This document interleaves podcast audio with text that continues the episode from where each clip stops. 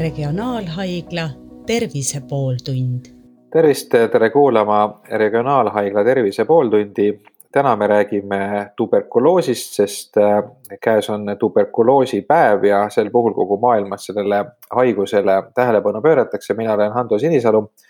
ja minu vestluskaaslaseks täna on kopsuarst ja tuberkuloosi spetsialist, doktor Anu Kurve. Äh, tervist, doktor Kurve. tere tuberkuloos tundub nagu midagi sellist eh, ajaloolist, et eh, omal ajal oli see väga tõsine haigus, just noori inimesi ohustud, ohustav haigus ja sellest on päris palju ka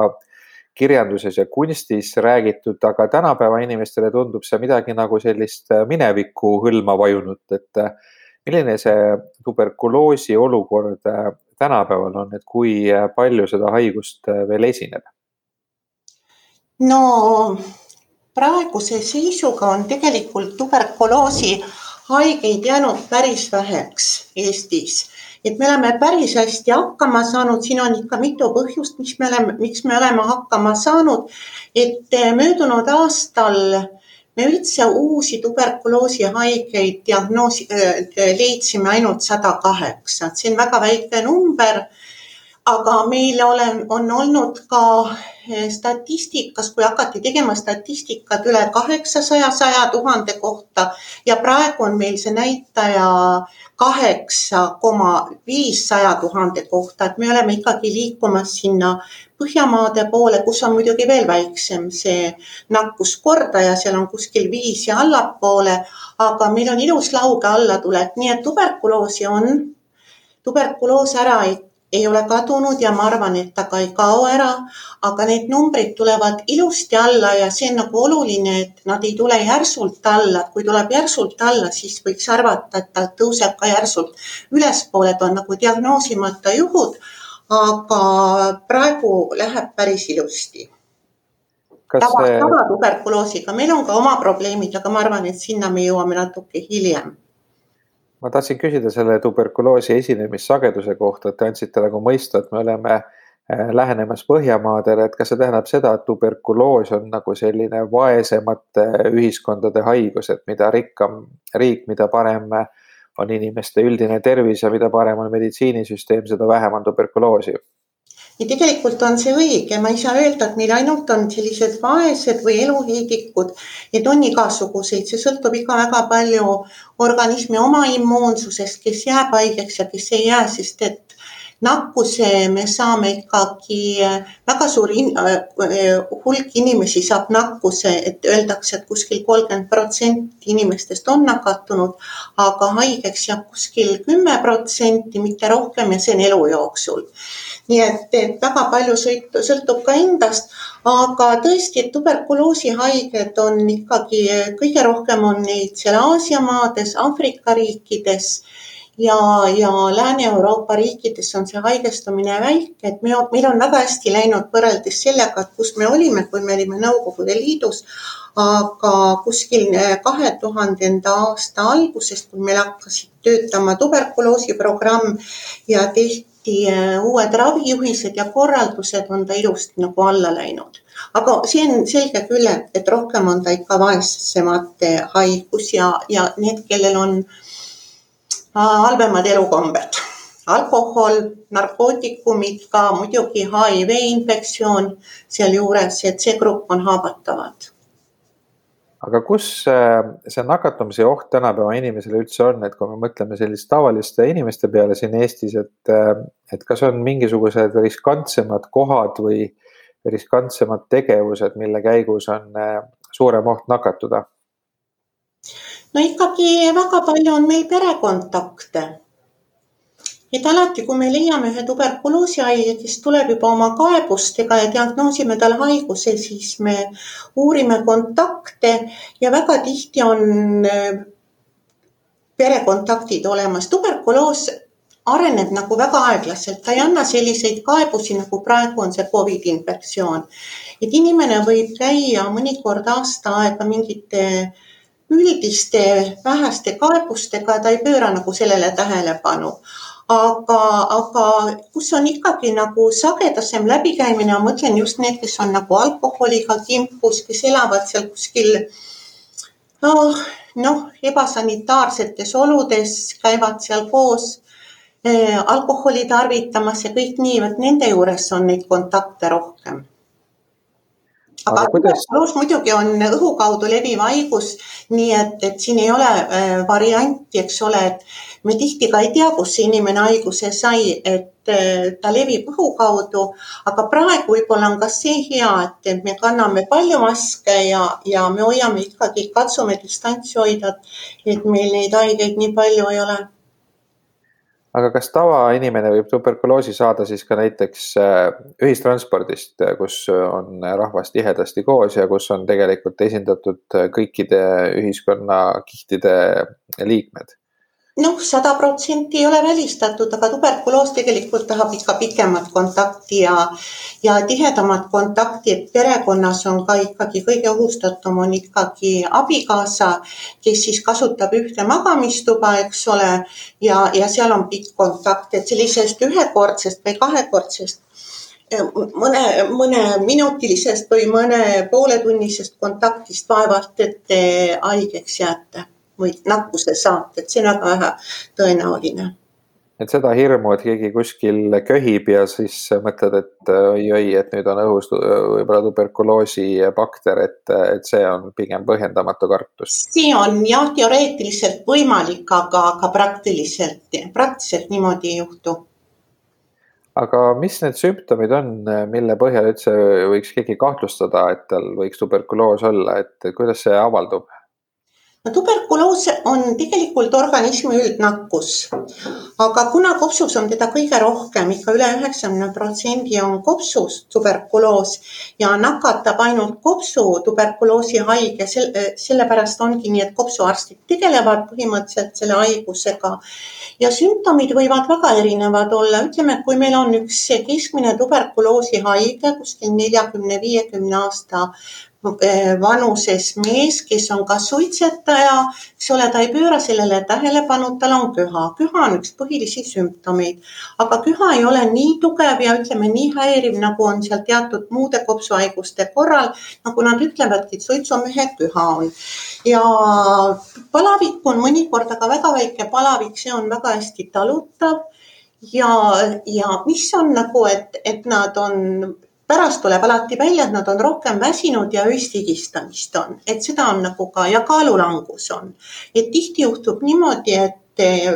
lõpuks, kui see haigus on diagnoositud, me alati küsime palju küsimusi ja ka kaalu kohta. Ja siis ütleb patsient, et oo oh jaa, tegelikult olen ma ikka päris palju alla võtnud, kuskil siin viimase poole aastaga kümme kilo. Et eh, selline üldsümptomid on nagu olulised, aga, aga et oleks nagu väga äge sümptom, seda on väga harva Noor, noortel inimestel ja, ja, ja võib-olla ka nendel HIV positiivsetel. Võib olla selline nagu tugevam kliinik, aga tavaliselt ei ole nüüd, kui äh, inimene pöördub selliste kaebustega arsti juurde, siis äh, kuidas seda diagnoositakse, mis uuringuid talle tehakse, kust, äh, kuidas on võimalik teada saada, et on tuberkuloosi nakatumine toimunud? Me teeme kindlasti äh, kopsuröntgeni ja vajadusel kopsukompuutri.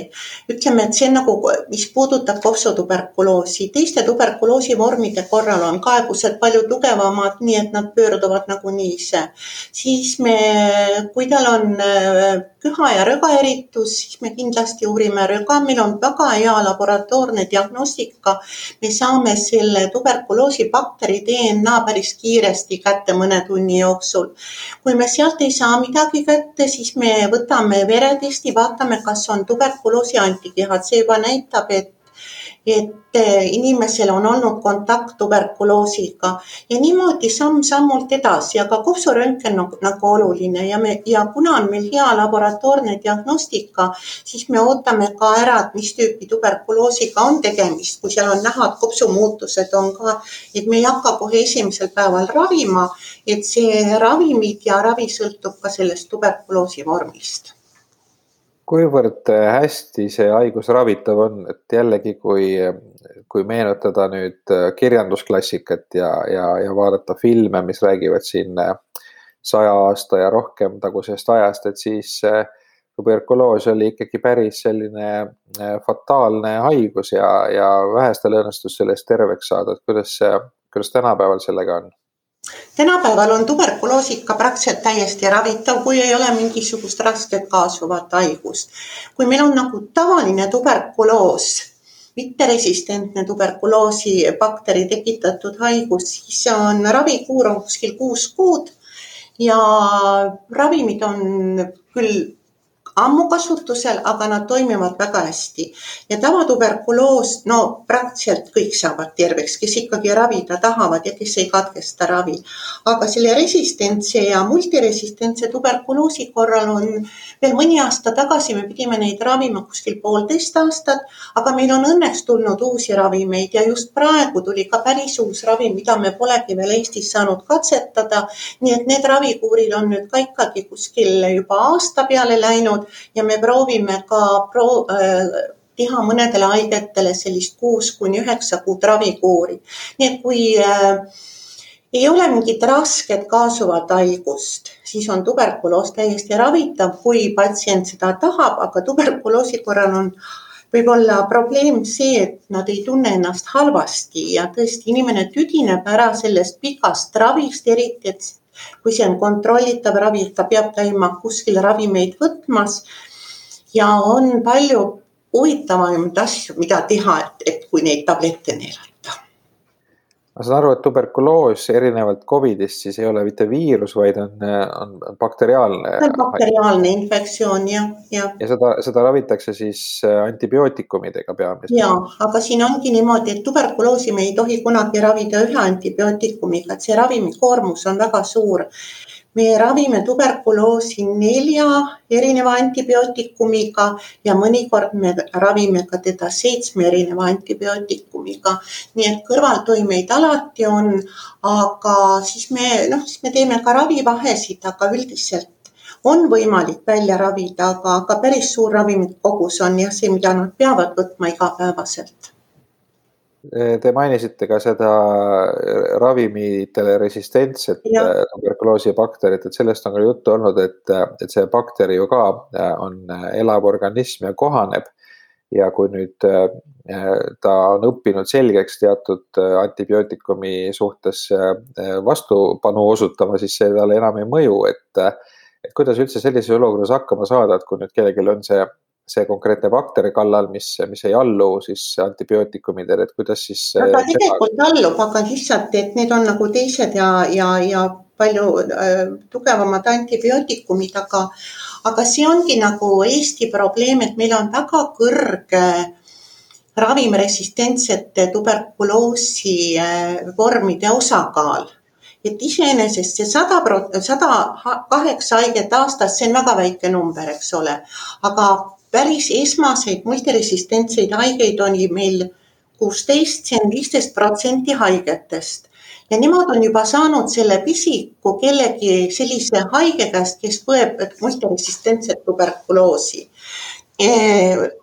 kuna e, me, meil on see kontrollitav ravi olnud, siis on selles suhtes päris hästi läinud, et, et me ei ole nagu nii teinud, et, et katkestame ravi, jälle alustame natukene, et vaatame, et äh, see bakter muutuks resistentseks. meil on ikkagi tegelikult äh, see osakaal on paar haiget, kes on nüüd viimasel ajal nagu ise olnud selles süüdi, aga ikkagi viisteist protsenti neid inimesi, kes on juba algselt saanud selle halva bakteri kas see tähendab ka seda, et elu jooksul tarvitatud antibiootikumid näiteks äh, kui inimene on mingi muu haiguse tõttu palju antibiootikume pidanud võtma, et siis tegelikult on oht, et, et, et tema ravimine on ka, tuberkuloosi ravimine on raskem, et ta, ta on juba saanud neid antibiootikume elu jooksul liiga palju. Ei, tegelikult ei ole, tuberkuloosis kasutatakse absoluutselt teistsuguseid antibiootikume, mida me, mida me tavainfektsioonide korral üldse ei kasuta, nad on täiesti spetsiifilised antibiootikumid nii et seda hirmu, et, et nüüd ma mingi muu haiguse puhul ei taha antibiootikumi võtta, et äkki siis hiljem see enam ei mõju mulle, et siis tuberkuloosi puhul seda, seda ohtu ei ole? ei ole, ei ole. nüüd jällegi äh, tuberkuloosist on nii palju kultuuris juttu, et, et need paralleelid tahtmatult tulevad, et meenub ka see, et seda raviti sanatooriumides ja, ja inimesi läksid, eriti rikkamad inimesed siis kuhugile mägedesse või männimetsa ja, ja seda raviti siis seal, et mis, mis selle ravi mõte on ja kas seda tänapäeval ka tehakse? tegelikult meil ei ole enam tuberkuloosi sanatooriumi. Need sanatooriumid, ma mäletan, Toomas Manni Võlumäes oli, eks ole, kus nad elasidki seal mägedes sanatooriumis. et see mõte oli siis, et eh, kuna ravimeid ei olnud, et siis oli hea toit ja, ja kuiv õhk ja, ja sellised muud variandid. ikkagi inimesed said siis ka, mõned said terveks, aga aga ikkagi väga paljud ikkagi surid ära küll, aga, aga tegelikult praegu ütleme, on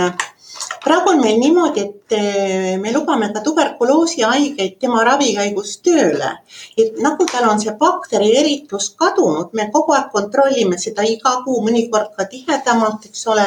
et kui ta enam ei ole nakkusohtlik, siis ta võib isegi töötada, sest paljud ütlevad, et nad tahavad tööl käia ja see ei ole vastunäidustus. et see ravikuur on küll pikk, aga ta võtab oma ravimid ära ja, ja käib tööl, et meil sanatooriumi ei ole aga kas kolleegid äh, töökohas peaksid olema sellest teadlikud, et meil on praegu ähm, see isikuandmete kaitse väga tugev ja ja, ja tegelikult keegi otseselt ju ei, ei ole kohustatud äh, oma tervisliku seisundi kohta mingit infot jagama, aga, aga samas see noh, tundub võib-olla äh, teiste suhtes jällegi nagu aus või õiglane, et, et kuidas sellega lugu on, et, et kas, kas. meil ei nagu... ole, meil ei ole väga või tähendab, meil ei ole eriti olnud probleeme, et meil on nagu kokkulepe ikkagi patsiendiga, et ta ütleb, me ei saa minna sinna tõesti töökohta, eks ole, ja ütelda, et vot seesama isik, mets, keegi Kaarel või et on tuberkuloosis, aga, aga nad saavad aru, ja, ja ainuke asi, et kui on nüüd eh, näiteks lasteaiakasvataja või on eh, kooliõpetajad, kellel on nagu nooremad lapsed on noh, ütleme kontaktsed, et tema on haige olnud, siis me teatame ikkagi sinna tervisekaitse, mis vanasti oli ta Sanepid jaam ja siis nemad, nemad siis eh, lähevad koha peale. üldiselt on niimoodi, et, et nagu ei öelda, et kes on, kuigi inimesed selle kohe selekteerivad välja, kes on nagu ära jäänud. aga öeldaksegi nii, et siin on olnud selline juhus ja, ja palun tulge kontrolli ja tegelikult on äh, kuna meile saab tulla kontrolli iga, ilma igasuguse saatekirjata, meil ei ole mitte mingisugust visiiditasu, me saame kõik uuringud ära teha, sõltuvad, sõltumata sellest, kas inimesel on haigekassa või ei ole, et kas ta on kindlustatud. et tulevad hea meelega, tulevad, aga muidugi kõige tähtsam on ikka need perekontaktid, aga, aga ei, meil õnneks ei ole olnud nagu probleeme, aga see võib tulla loomulikult, see sõltub inimesest, kes, kes kindlasti ütleb, et ei tohi olla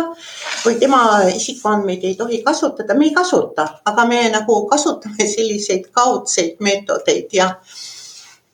aga on olnud, mõned aastad tagasi on olnud päris, paar päris suurt probleemi olnud, need on lõpuks ikkagi lahenenud, aga need olid päris ebamugavad jah et kuidas kaitsta teisi, siin ongi, et üks asi on, et me ravime inimest, aga kuidas kaitsta neid, kes on kontaktis olnud ja kes ei tea, et nad on olnud kontaktis. No mina mäletan äh, kakskümmend aastat tagasi umbes ühes ettevõttes, kus ma töötasin, siis äh, ühel töötajal avastati tuberkuloos ja siis küll ma ei mäleta, kas see nüüd oli, oli vabatahtlik või oli see kuidagi poolkohustuslik, aga mina igal juhul ka käisin tollel ajal siis veel oli siin äh, äh, Hiiul oli, äh, oli haigla ja seal ma käisin igal juhul kopsuröntgenis ja ja, ja minu teada mul kolleegid ka kõik käisid, et siis niimoodi käituti, et kas praegu siis on ka nii, et kui näiteks mõnes töökollektiivis, mis ei ole siis lasteasutus, tavaline mingi ettevõte, et kui kellelgi töötajatest avastatakse tuberkuloos, et kas siis peaksid ka kolleegid minema igaks juhuks kontrolli? on soovitav. Me ei saa sundida, on soovitav ja, ja eriti kui on veel mingisugust kaebusi, aga praegu, kuna on, ütleme, et tavapulmonoloogias on ka ikkagi pikad järjekorrad, et siis meile saab praktiliselt kohe ja me teeme kõik kopsuuringud ära, nii et selles suhtes on see ka inimesele kasulik, et, et, et teha röntgenuuring ära, see pole ainult tuberkuloosi jaoks, alati võib mingeid muid üllatusi ka tulla, aga kui see variant on, eks ole, siis ma arvan, et seda tasuks täiesti kasutada ma nüüd äh, ei rääkinud muudest tuberkuloosi vormidest, et ütlesite, et see kopsu oma on kõige levinum mm. -hmm. aga, aga mis tuberkuloosi veel on ja kuidas need avalduvad? No järgmine on nagu lülisamba tuberkuloos ja liigese tuberkuloos, et siin oli, siin oli just üks pilt, kaheteistaastane Pakistani poiss, kes oli mõni, see oli vist ka ei, see oli noorem poiss, aga see oli kahe tuhande kaheteistkümnendal aastal tehtud pilt, kes põdes lühisamba tuberkuloosi ja seal kõrval oli üheksa tuhande aastane vanune mingi, äh, mingi Egiptusest äh, kuskilt hauakambrist või selline, selline inimese kuju, need olid täpselt sarnased, see lülisammas oli nii sarnane, tuberkuloos on hästi vana. Et on lülisamba tuberkuloos, luuliigese tuberkuloos, ta võib igal pool olla ja siis on urogenitaaltuberkuloos. Ja, ja, ja tuberkuloossed ajukelmepõletik on nüüd vähem, aga neid kõiki on väga vähe, neid on ikkagi selline suhteliselt näputäis, sellega muidugi me ei tegele, kopsuarst ei tegele. et sellele kas siis on uroloog või on ortopeedid, aga, aga selles suhtes meil on tegime tuberkuloosi ravijuhised, kus olid ka siis teiste erialade arstid ja, ja alati, kui ei ole sellist eh, head paranemist mingi teatud eh, haiguse puhul, mingi krooniline haigus, siis nad mõtlevad tuberkuloosile ja teevad neid teste ka. aga ravi ja kõik see ravikorraldus on siis ikkagi tuberkuloosiarsti või kopsuarsti eh, nagu käes, et tuberkuloosi ravimeid ei saa apteegist, mitte ühtegi ja need on kõik tasuta ja, ja need on ainult meie süsteemis siis. Kas regionaalhaiglal on kuidagi ka eriline koht või roll tuberkuloosi ravis, et see on ilmselt selline suhteliselt äh, spetsiifiline ja keeruline haigus, et seda päris iga, iga haigla sellega ei tegele, et mille poolest regionaalhaigla siin äh, teistmoodi on? kunagi oli, kus teiegi käisite, oli seal Hiiul oli Kivimäe haigla, eks ole, seal oli kohe suur tuberkuloosi osakond, aga sinna tehti juurde ka siis äh, kopsukirurgia osakond, seal oli tuberkuloosi dispanser, see oligi nagu selline tuberkuloosimaja. ja siis äh, oli suur ühinemine, kui moodustati regionaalhaigla ja seesama Kivimäe haigla tuli ka siia regionaalhaigla äh, koosseisu ja siis oli ka veel Kose, Kosel oli kunagi sanatoorium, aga see tehti ka ümber ikkagi nagu selliseks haiglaks, neid haigeid oli rohkem. Ja sellest ta jäi nagu regionaalhaiglasse, siin on eraldi see tuberkuloosi laboratoorium, mükobakterioloogia. meil on väga selles suhtes mugav töötada siin, et siin on ka see torakaalkirurgia osakond, kui on vaja, siis võetakse kopsutükid tehakse, sellised väiksed kopsuoperatsioonid ja, ja, ja üldse sellised kirurgilised manipulatsioonid, kellel on vaja, et, et see on nagu jäänud jah, siia nüüd regionaalhaiglasse, aga neid eh, statsionaare on väga vähe Eestis, on Tartu Ülikooli Kliinikumis eh, regionaalhaiglas, siis Ida-Viru haiglas ja Jämejalas, kus on siis äh, noh, mingid kas vaimupuudega või tahtevastasel ravil olevad haiged, et neli kohta üldse Eestis on, kus siis saab tuberkuloosi statsionaarselt ravida. aga muidu ambulatoorne ravi, mis on nagu põhiline, et see on igas maas, maakonnas kopsu kabinetis no tuberkuloosi päeva puhul ma saan aru, et hea uudis on see, et Eestis see tuberkuloosi nakatumine tasapisi väheneb, mis on siis hea märk, et see ei juhtu äkki, vaid et see on nagu ikkagi selline pikaajaline trend, mis ilmselt siis ka vastupidiselt äh, ei, ei pöördu, pöördu ülespoole väga äkitsi. ja, ja teine hea uudis on see, et see on ravitav haigus ja isegi nende haruldasemate resistentsete juhtumite kohta siis on äh, uusi ravimeid tulekul, et, äh, et. see on väga suurepärane uudis, jah, suurepärane uudis. et sa, saadakse jagu ka raskematest juhtudest mm. -hmm. aga, aga suur tänu, doktor äh, Anu Kurve, Regionaalhaigla kopsuarst ja tuberkuloosi spetsialist sellel põneval teemal täna meiega rääkimast. mina olen Hando Sinisalu ja aitäh kõigile Regionaalhaigla Tervise pooltunni kuulajatele ka.